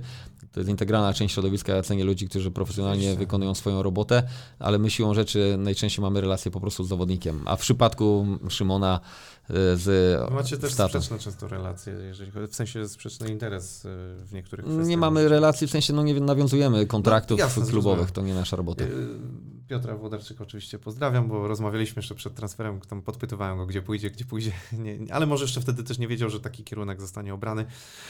Co, panie Marcinie, e, porozmawialiśmy? Dziękuję za rozmowę. Ja dzięki też. E, No, mam nadzieję przede wszystkim, że widzowie się dowiedzieli e, kilku nowych rzeczy i też udało się wyjaśnić te skomplikowane nazwy niektórych Tak, ja wiem, że ciężko, często ciężkie do przebrnięcia są takie rozmowy, bo dotyczą takich wewnętrznych spraw, trzeba być to mocno jest insiderem. jasne, że, że, że to, to nie będzie odbiór olbrzymi tego, bo pewnie wiele osób gdzieś będzie chciało zasięgnąć wiedzy, z czym to się wiąże i co pan Marcin Dorna dokonał i czego Czego nie e, dokonał jeszcze. nie dokonał. E, Malutki upominek, tutaj jest e, w środku voucher, e, pięć posiłków dziennie catering, można skorzystać, Dziękuję. pan czy, czy żona, dzieci, ktokolwiek. e, A taka sugestia, ochotę. że, żeby zadbać jeszcze o siebie, tak? Nie. Nie, zupełnie.